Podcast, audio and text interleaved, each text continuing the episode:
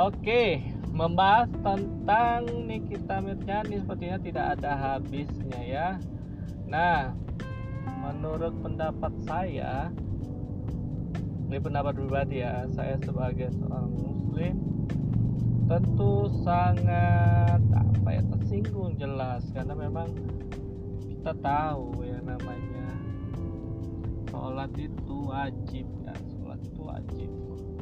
Jadi pada hakikatnya sholat itu seperti yang saya tahu ya sholat itu mencegah perbuatan keji dan muka jadi seandainya orang rajin sholat tapi uh, belum baik itu masih tentu ada yang salah dengan sholat.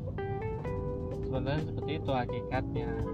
Dan cara untuk memahami dengan gampang secara logika adalah yang sol yang rajin sholat aja belum tentu baik apalagi yang yang tidak sholat ya. Ya. Bagaimana pendapat anda? Bagaimana menurut anda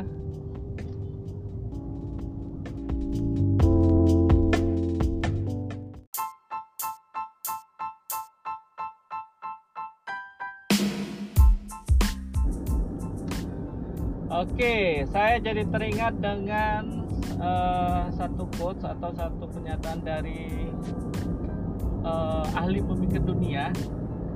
Beliau namanya kalau nggak salah si Edward de Bono, kalau nggak salah ya. Jadi memang uh, beliau dikenal sebagai bapak pemikir dunia.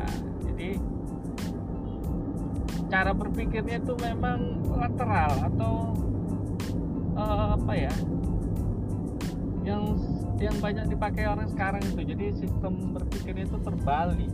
Contoh misalnya uh, dalam satu kasus di satu perusahaan jadi suatu perusahaan itu ruangannya atau gedungnya itu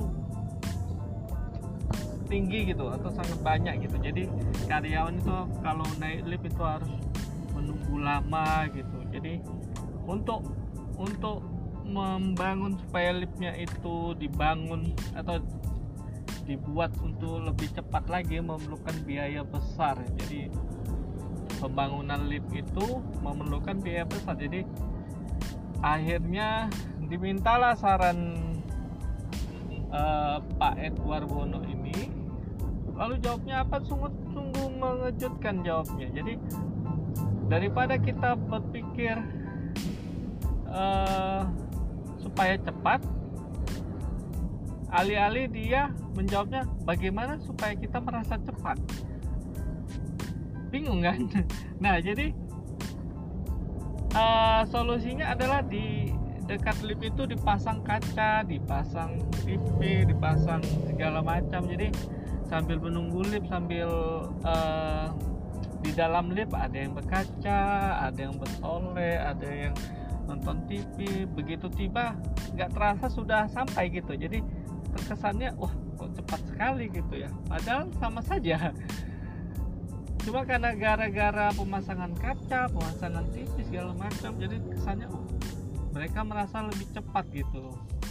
Nah jadi eh, akhirnya memang gaya berpikirnya Bapak ini menjadi inspirasi termasuk saya. Jadi bagaimana kita memecahkan solusi uh, tanpa apa ya maksudnya memecahkan solusi dengan cara berpikir yang yang dibalik gitu. Contohnya kayak orang biasa kaya dulu banyak uang dulu baru bersedekah gitu. Gimana kalau dibalik? Bersedekah dulu baru bisa jadi kaya bisa nggak tuh? Kalau dalam agama Islam sih benar bisa gitu. Nah jadi gaya-gaya berpikir seperti ini sebenarnya uh, bisa masuk akal dulu sih. Seperti kita merasa orang sukses dulu padahal nganggur ya. Bagaimana pendapat kalian? Oke okay. sekian dulu dari saya. Terima kasih